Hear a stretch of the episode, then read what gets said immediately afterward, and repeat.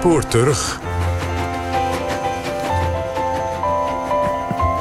Oh, wat grappig. Wij hadden vroeger ook zo'n stoel. Dat was de meest gehoorde reactie als ik vertelde dat vandaag in het spoor terug aandacht zou worden besteed aan de geschiedenis van het roodtandstoeltje. Want daarover gaat het nu in Van Stoelenbazen en Stoelenmakers... gemaakt door Gerard Leenders en gemonteerd door Berry Kamer.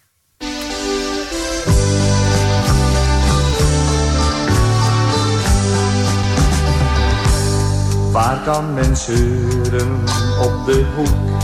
Waar neemt men niets voor zoete koek? In Noordwolde, in Noordwolde.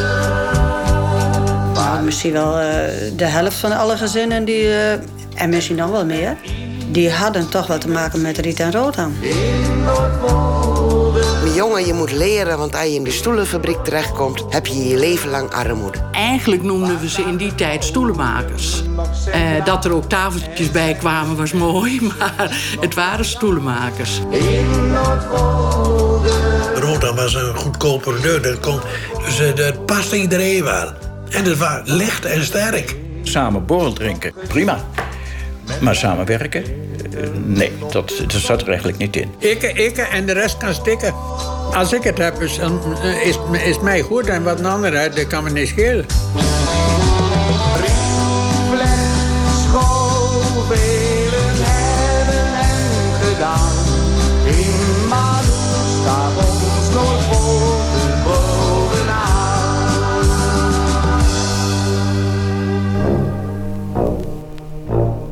Vrijwel iedereen heeft er wel eens op gezeten. Op dat rood kuipstoeltje dat in talloze huis- en slaapkamers een plek wist te veroveren. Of op die rotan 2-zitsbank, met daarvoor een laag rotantafeltje voorzien van een glazen blad. Met in de hoek soms nog een rotan schommelstoel naast een rotan kranten- of plantenbak. En in de keuken het wilgetenen mandje voor de boodschappen.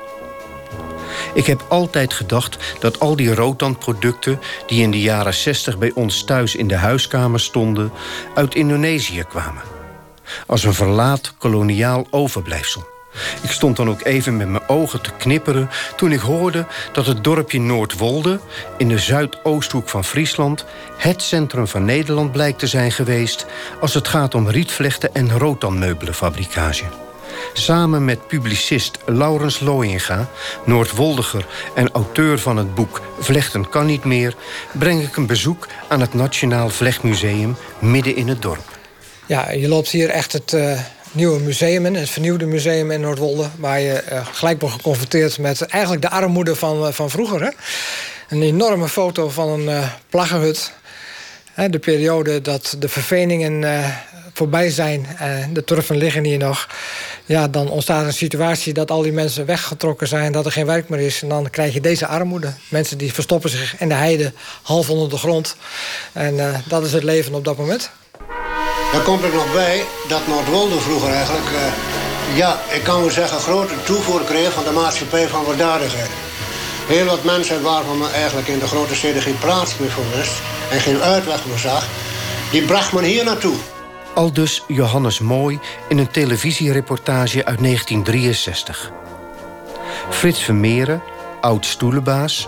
en Kees van Nieuwenhoven, oud-stoelenmaker, verhalen het zo. De afvalligen van de maatschappij van weldadigheid... die generaal van de Bos oprichtte, die kwamen hierheen. En ook vanaf 18 jaar. Dat waren dus niet de meest...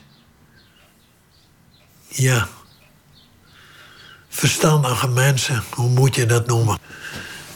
Ze waren eenvoudig, ook in hun vak. Ze hebben niet. Uh, ze, het bleef eigenlijk zo gezegd mandjesmakers.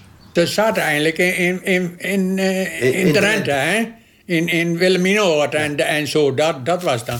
En dan gingen ze, gingen ze hier de grens over en dan zetten ze gewoon een huisje, zo'n hutje of net zelf wat. En dan konden ze ze niet meer terughalen. Maar ja, het was toen hier niet zo best hoor. Natuurlijk niet. Armoede troef. Men had al jarenlang, al voordat die bittere armoede en die ellende hier was...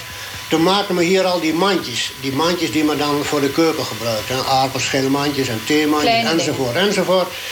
Men had dus al de handvaardigheid voor het verwerken van de teenhout. Hè? Ja. Die handvaardigheid was het. Russen noemden ze dat.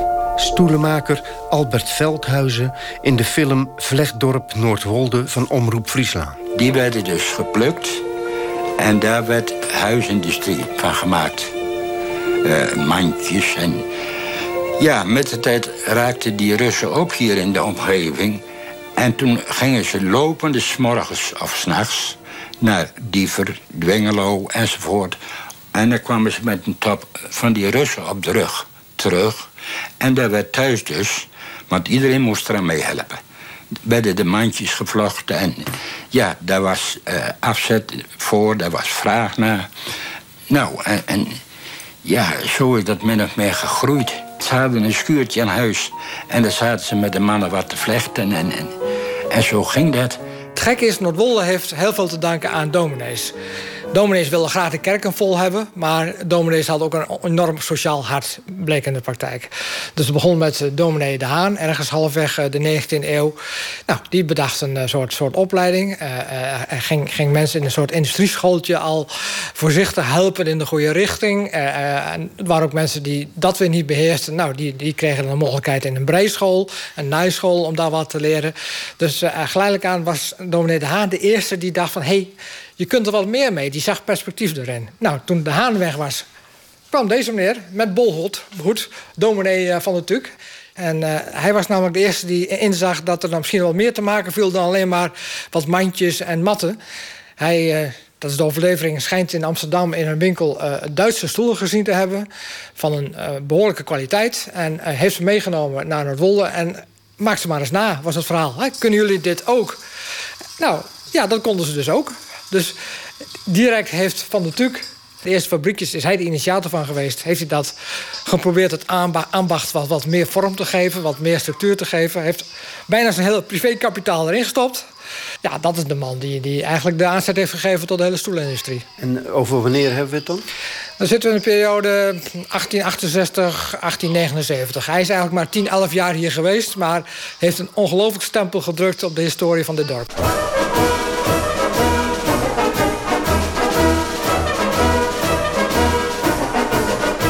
Rond de eeuwwisseling zijn er meer dan 300 arbeiders in de vlechtindustrie werkzaam... en de producten worden door venters uit Noordwolde aan de man gebracht... zoals door de grootvader van Henk Diever. Mijn grootvader die, uh, maakte altijd van die van, van manden... mandjes en, en aardappelschillen, uh, mandjes en zo. En die vent al met een hondenkar, met twee honden ervoor... de mandjes van Noordwolde richting tot al in Limburg toe.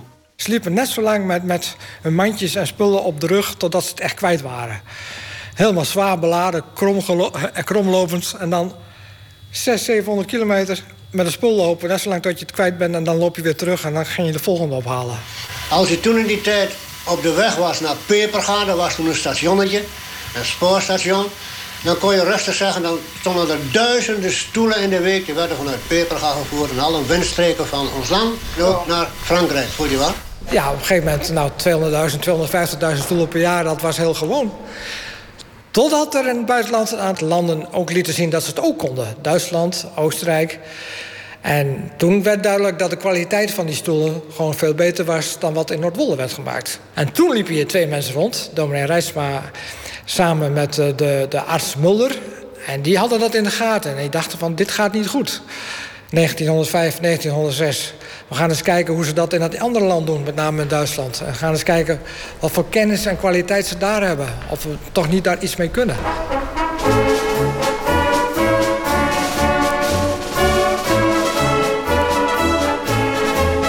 Na de reis door Duitsland en Oostenrijk schrijven de dokter en de dominee een brief aan de minister van Binnenlandse Zaken met de mededeling.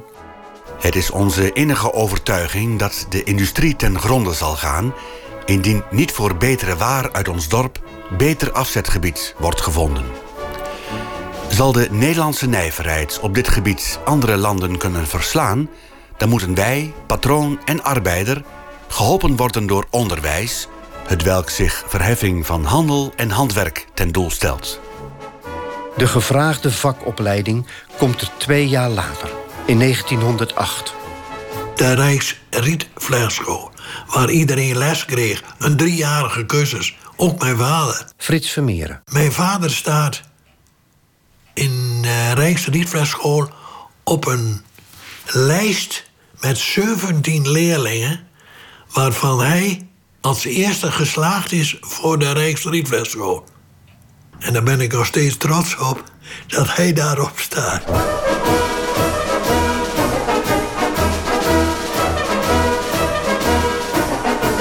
De Rijksrietvlechtschool is een succes.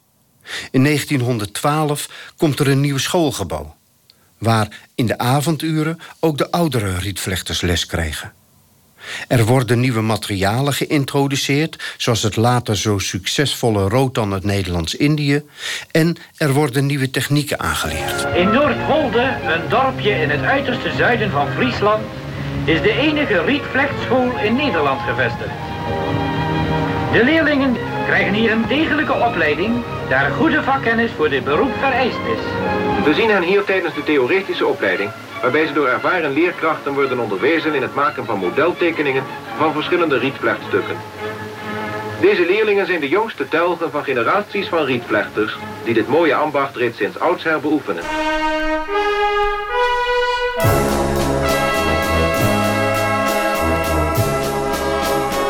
Vlak voor de Eerste Wereldoorlog telt Noordwolde 26 bedrijven met 400 stoelenmakers.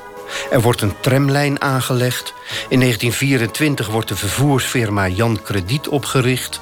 En er komen nieuwe bedrijven, waarvan Rohé en de gebroeders Jonkers de belangrijkste zijn.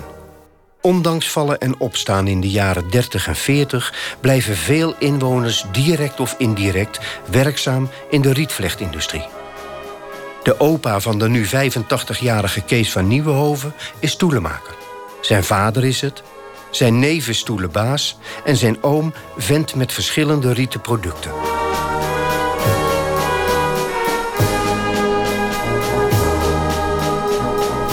Mandjes, allerlei soorten mandjes. Stoelen hadden, dat was te veel uh, romslomp natuurlijk. Dat hadden ze niet. Maar mijn oom, die nam... Die, die, die, die, die vent bij wijze van spreken in, in, in, in, in Haarlem en, en, en Joost mag weten waar. En uh, als hij uh, naar huis toe wou, dan zocht hij een adres. Mag ik mijn handel hier laten liggen? Want anders moet ik het meenemen naar huis. Ja, natuurlijk, dat mocht hij wel. Dus dan liet hij daar de handel en dan ging hij alleen naar huis. En morgen gingen die daar weer heen om, om dan haalde hij de handel weer op en dan ging hij weer verder. En zo, zo deed hij dat, zeg maar. En ze maakte zelf ook een hoop. Mijn oom en daar is zoon van. Nou, die, die zaten elke avond zaten ze mandjes te maken. Achter in, in, in, in de schuur, zou ik zeggen. En, uh, en als ze klaar waren, dan, dan nam hij ze weer mee. En dan gingen ze, nam hij ze mee weer om, om te verkopen natuurlijk. Ja, ja. Zo, zo ging dat. Vanaf begin jaren 50 krijgt de rietvlechtindustrie een enorme impuls... als speciaal ontworpen rotanmeubelen een gewild object worden in de Nederlandse huiskamers. Frits Vermeeren. Rotan was een goedkoop product. Dat kon iedereen eigenlijk... Uh, dit, ja, die, die kocht dat al gauw. Want het, het was uh, niet prijzig. Dus uh, dat paste iedereen wel. En het was licht en sterk. In die jaren groeit Jeltje van Nieuwenhoven, zus van Kees, op in Noordwolde-Zuid. Het centrum van de rietvlechtindustrie. De meeste mensen uh, werkten er in de Rotan. In de tijd, de, de, de, kinderen waar ik mee naar school ging... daarvan werkten bijna alle ouders, vaders... Uh, in, de, in de Rotan. En verder uh, gingen de jongens meestal naar de rietvlechtschool... en de meisjes gingen naar de huisartsschool. Een deel van de jongens en een deel van de meisjes... ging naar de plaatselijke MULO. Maar leren op zich was niet echt iets wat je zomaar uh, vond... dat voor jouw kind geschikt was. Ik was niet, uh, niet zo hooggeschoold. Dus als je niet zo hooggeschoold bent en niet geschikt was voor de ULO... want wat toen heette dat ULO... ja, dan moest je wel naar de rietvlechtschool. Aan het woord is Henk Diever. Eerst stoelenmaker, later stoelenbaas. Je kon dus timmerman worden, was ook een afdeling timmer erbij, of rietvlechter. Hebben we wel. Nou, zodoende ben ik rietvlechter geworden. Ik ben naar de rietvlechtschool gegaan, drie jaar. En toen heb ik nog twee jaar een havencursus gevolgd. Ja. Er was een, een, een, een, lokaal bij waar je het vak in leerde. Je kreeg verschillende, ook, ook rekenen en lezen en talen en al die dingen meer. Maar er was ook een lokaal in, dat, daar leren puur het vak. Begonnen met vlechten, eerst mandjes vlechten, nou, en zo door. En later dus eh, een romp maken, dat je er een hele stoel van kon maken. Da- daar heb ik ook het vak in geleerd. Want niet alle stoelenmakers die konden dus rompen maken. Als je geen rompenmaker was, kon je ook niet voor jezelf beginnen. Je moest het wel... Kijk, het afmaken ging maar voor iedereen. Een wikkeltje leggen en al dat maar. Maar als je geen romp kon maken van de stoel... ja, dan kon je geen fabrikant worden. Dus zeg maar de basis van de stoel? De basis van de stoel maken, ja. Alles uit de hand. En dan kon je hem voor de knie buigen. Ik had soms het eelt voor de knie zitten. Ik pakte, ik was rechts, maar ik pakte mijn linkerknie. zat een mooi laagje eelt voor. Zo ben ik begonnen met, eh, met een te maken op een. Eh, In het Wolde werd ook wel gezegd stellen maken. Een stel en dan kon een ander hem afmaken. Ja, maar dat was een beetje vak. Daar waren eh, veel eh, kleine rotanfabrieken. Er was een, eh, bijvoorbeeld, eh, ja, ik zeg maar een beetje schuin tegenover ons huis, eh, was een fabriekje van Jubbega. Op dat rijtje woonden drie families eh Jubbega. Daartussenin woonde een Jacobus van Nieuwenhoven met ook een fabriekje. En aan het eind van die vijf, zes huizen woonde Johannes Mooi met ook een heel klein fabriekje. Dus op 100 meter had je drie eh rotanfabriekjes. En daartegenover woonde mijn oom Lammert, die een wat grotere fabriek had. Er werkten soms wel 25 mensen. Allemaal op een bankje, allemaal naast elkaar. Veel lawaai, veel mensen op een kluitje. Dat soort fabriekjes waren er heel erg veel, omdat mensen heel vaak, als ze goed boerden en het goed aan de gang hadden, heel vaak dachten: ja, kom op, ik ga voor mezelf beginnen. Dus er zat altijd iets individualistisch in, in een heleboel van die roodhambewerkers.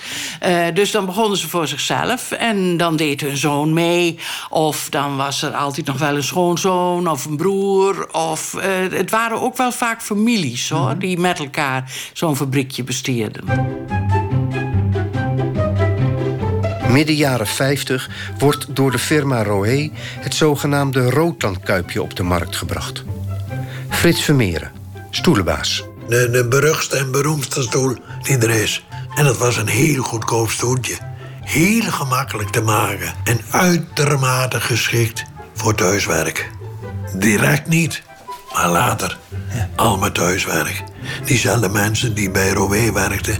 die werkten eh, kuipjes eh, eh, bij wijze van spreken... voor mij, s'avonds. Thuiswerk. Een fenomeen dat al vanaf het begin van de rietvlechtindustrie schering en inslag is in het eigenzinnige Noordwolde. Thuis, in je schuurtje of in de woonkamer, op je eigen houten bankje met spijkervakjes, een nijptang en een hamer. Meer had je niet nodig. Frits Vermeeren legt uit waarom het gebeurt. De concurrentie dwong dat. Die dwong dat af. Je moest wegen vinden om het nog goedkoper te maken. Het frame eigenlijk maken in de fabriekjes. En de rest het afmaken. Spijltjes erop, zoals wij dat noemen. Het afwikkelen. Dat werd dan weer thuisgemaakt voor een... voor een heel goedkope bedragen. De werknemers eh, veel te goedkoop. En de werkgevers verkochten dat ook veel te goedkoop. Stoelenmaker Kees Landkroon werkt in de jaren 60 ook vaak thuis. Op een bankje de hele dag. En dan ging je s'avonds de hockey en hockey bij huis. En dan deden we kuipjes. Tot een uur of tien. Prachtig oude auto's gingen langs. Met de kuipjes erop. En daar werd afgegooid. En daar werd afgegooid. En, ja, nou. Om af te werken? Om af te werken, ja. Ja, werd een boel thuis gewerkt hoor, hier. In die tijd. Kun je hij meer geld om handen. De meesten waren thuiswerk s'avonds. Wat ik wel deed was Stoelenmaker Kees van Nieuwenhoven. een rugleuning van, van, van stoelen, een houten raam. En daar maakte ik elke week een stuk of tien van. Nou ja, daar verdiende ik een paar extra centen mee dan, zou ik maar zeggen. En dat deed je dan thuis, dat was thuiswerk. Maar dat werd hier overal gedaan, ja. Ja? Ja, tuurlijk. Iedereen werkte thuis. Ja? Ja, die werkte bij de baas en s'avonds werkte ze ook. Voor, misschien wel voor een andere baas, maar dat maakt het niet uit. Als jong stoelenmakertje doet Henk Diever ook aan thuiswerk. Maar niet voor zijn baas. Toen was hij slim pittig om en kwaad ook. Want eh, dat deed ik voor een ander, waar mijn vader voor thuis werkte. Daar deed ik dat. Maar eh, ik, ik reed toen al eh, op een motor. En dan pakken ze met de rug vol. En dan ging ik door de velden, maar allemaal van de kleine wegentjes in, in, in de velden, in het Oosterveld. En dan ging ik de mensen dus rompen brengen. En die maakten dat weer af. Ik zat bij die man te rompen maken. motortje op rug vol, eh, een band erom. En zo brachten wij dus, eh, zo bracht ik de stellen rond naar mensen in de thuiswerkerij. Ik had vaak zes of acht op rug. Nou, dat vond ik een mooi werk. Op zijn mensen rond te tuffen. We zijn nu in Noordwolde. Het stinkt hier van de rotenfabriek. En kijkt u maar eens, er staan er toevallig wat aan de weg. Er zijn geloof ik wel 70 fabrieken en fabriekjes. Van heel klein tot heel groot.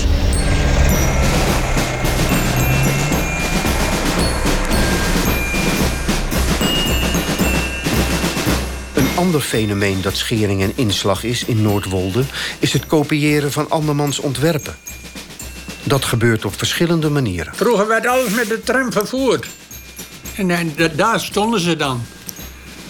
Nee, en, eh, ze namen het zo over. Hadden ze geen moeite mee. kopen uit de winkel. Dat waren ook nog vaak verschillende oud-Noordwolligers... die we ook in- door Nederland een, een, eh, winkel hadden. Dan kijk, een dag ging je een stoel halen. Nam je mee en ging je namaken. En waarom? Frits Vermeeren. Gewoon uit concurrentie over je, je, je wegen vinden om het ook, om ook eh, daarin mee, mee te kunnen. Dom. Maar je probeerde daarnaast natuurlijk ook wel weer dingen te maken die een ander niet had. Maar dat was maar even, dan hadden die dat ook weer. Even ja, Mark. En dat deed daar is- ook aan mee? Ja, in zekere zin wel. Want er was hier... eh, ja, het gebeurde wel eens dat er zeg maar bij de grote jongens... eh, wat op de tekentafel dat eh, lag. En dat de volgende dag of een week later... de concurrentie dat nog eerder in de productie had... dan degene die het ontworpen had. Dat is gebeurd. Was dat bij jullie ook zo? Hebben jullie Nee, dat ook gedaan? nee, nee, zo erg. Nee, dat moet, dat moet ik eh, eerlijk zijn. Echt niet? Nee, echt niet. Nee, dat, eh, zo erg was het bij ons niet. Zo zat je natuurlijk met die aardenheid hier in het dorp. En dan, ging je, dan maakte hij de meubelen. En dan met zijn be- bedrijfje met weinig kosten erop. En thuiswerkerij. Ja, dan konden we tegen Royan concurreren. En dat is altijd funest geweest in het Wolde. Dit is Bas den Oudsten in de enige rietvlechtschool van Nederland. Namelijk die in de Friese plaats Noordwolde... waar men volkomen van het rottan leeft. Er zijn evenwel rond de concurrentie, de verdeeldheid en het individualisme... zoveel wantoestanden ontstaan dat er sprake is van junglepraktijken. Het Rottan Meubel is een product van vaklui. Maar op de enige Rijksrietvlechtschool leren momenteel maar een handjevol jongens dit vak... wat er een duidelijk bewijs van is... dat de bevolking van Noordwolde zelf niet veel heil ziet... in de toekomst van het Rottan Meubel. Een uitzending van Avro's Televisier uit 1966. Vanwege te weinig aanmeldingen moet de Rietvlechtschool een jaar later noodgedwongen haar poorten sluiten. Henk Diever, intussen stoelenbaas. Als je naar de Rietvlerschool ging... dan keek men altijd een beetje minderwaardig tegen je aan. Dat was zo. Oh, hij ging naar de Rietvlerschool. Nee, dat, dat is dan, was, was niks. Dus op die manier, je hebt een vak. Met je hand maak je dat. Een geweldig vak. En toch werd er een beetje laag naar, naar een timmerman. Ook een, een gedeelte aan de Rietvlerschool, wat nu weer verdwenen is. Daar keek men altijd hoger tegenaan als een man uit, uit de stoelenfabriek. Zo zeggen ze dat hier de stoelenfabriek. Maar ja, goed, dat is dan één keer een mentaliteit. Ja, die rotonindustrie is allemaal niks. En die thuiswerkerij maakt alles kapot. Dus dat moest je niet meer leren. En, en toen moeten we in de rieverschool. Er was niemand meer bereid om in de rieverschool te gaan. En ook een hele hoop goede werknemers... die zijn in de jaren vertrokken als leermeester of werk... eh, leermeester, ja, naar sociale werkplaatsen. Die slokten veel op. Daar ging men ook rood aan maken. Dus die werden concurrentie... eh, concurrerend voor Noordwolde. Ze konden, ze konden mooi als leermeester optreden. Dat was een gemakkelijke beroep en ook nog beter betaald. En dat konden wij niet.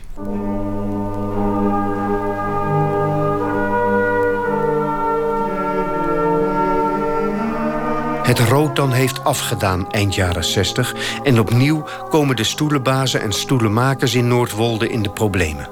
Maar midden jaren 70 gloort er weer even hoop. Door de Manu. Eigenlijk hetzelfde als rooddan, maar dan zonder bast. Die, die rotomeubelen waren zo ver gedegradeerd in prijs. toen dus die, die Mano kwam, hebben we geen rotenmeubel meer gezegd. Zeggen we dat, dat moet Mano heten, dan hebben we in ieder geval een ander product. Maar die rotenmeubel was er natuurlijk, de, was natuurlijk de hele charme en prijs eraf. En toen manenmeubelen, ja, en toen kwam het met kleur en later weer, kwam het weer in. En dat was even een vooruitgang in het rollen. De goedkope stoeltjes werden omgebogen, letterlijk en figuurlijk, naar zware meubelen. En dat heette Manu. En dat paste precies in het interieur. Ze waren ook stukken duurder, maar daar was ook veel meer werk in. Het gewone, zeg maar, het rotanstoeltje verdween en er kwamen wat meer interieurstoelen. Noem het maar zo. Dat ging heel goed.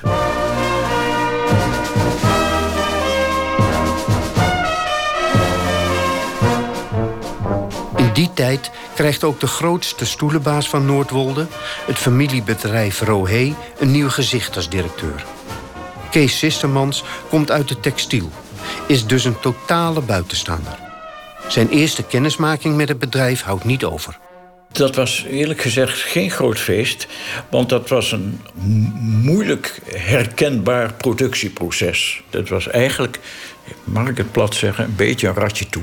Er was geen kantine op dat moment, dus op, op, op je bankje, met iedereen had zijn bankje. Daar vond er zelfs uh, plaats en bijna iedereen zat individueel zijn stoel of een groot deel van die stoel te maken. En daaruit zie je dus, dus dat het ook puur, puur handwerk was. Systemans probeert een verandering in het bedrijf teweeg te brengen... door veel nadruk te leggen op design. Dus dat betekent inderdaad, in een korte zin gezegd... weg van de kuipjes en op naar het Jan de Bruy design. Uh, dat is uh, aanvankelijk heel goed gelukt. Maar de waarheid die achterhaalde ons... En wat wij in Noord-Wilde deden, deden natuurlijk anderen, met name zo langzamerhand in Indonesië en de Filipijnen ook. En ja, wat kon je dus eigenlijk doen? Als daar dan het daar vandaan komt, ga dan zelf daar naartoe. En dat hebben wij gedaan.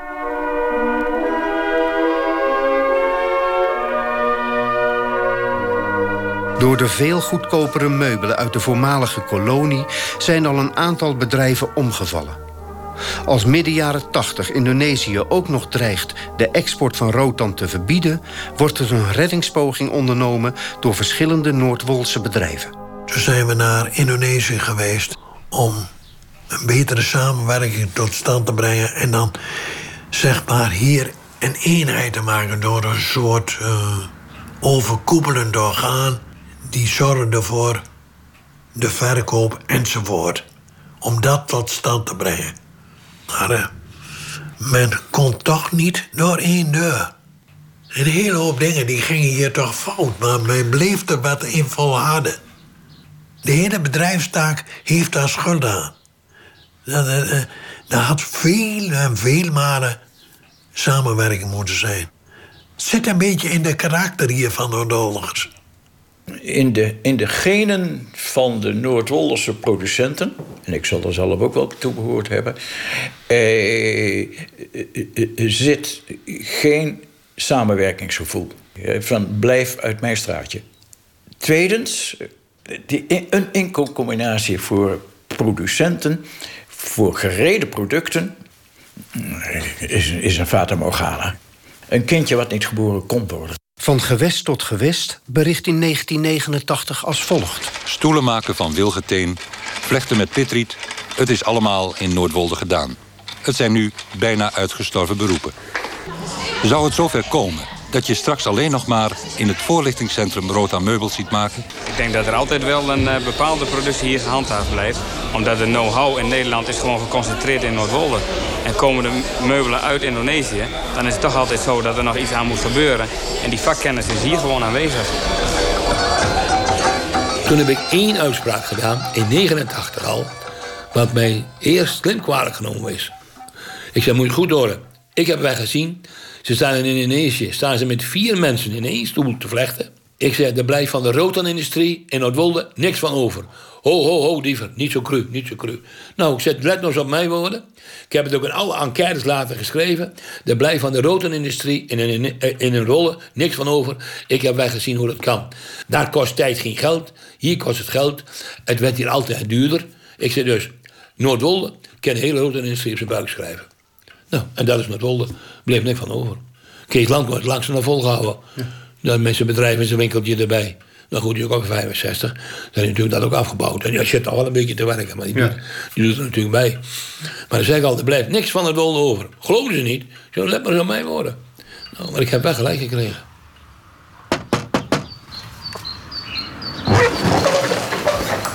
Goedemorgen.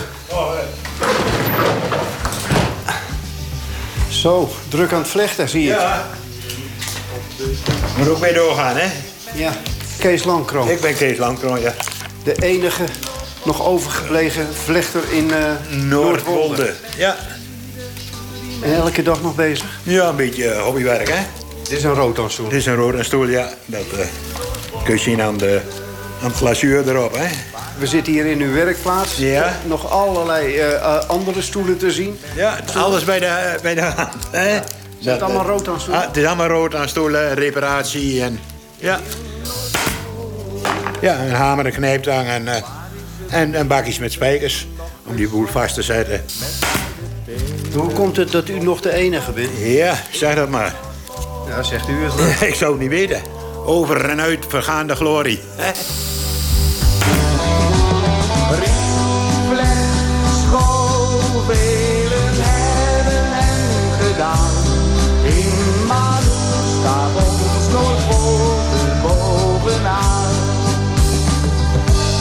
Waar maakt de valklank nog muziek? En waar heeft iedereen geliefd? In Noordwolde. In Noordwolde. Ja, met het Noordwolderlied gezongen door de Rodeo's... besluiten we het spoor terug over het Rotanstoeltje. Met dank aan Anne Kuhne, Aldert Oosterhuis, Pim Mulder... en Michel van der Kaai van het Nationaal Vlechtmuseum. En dank aan de fanfare van muziekvereniging De Woudklank.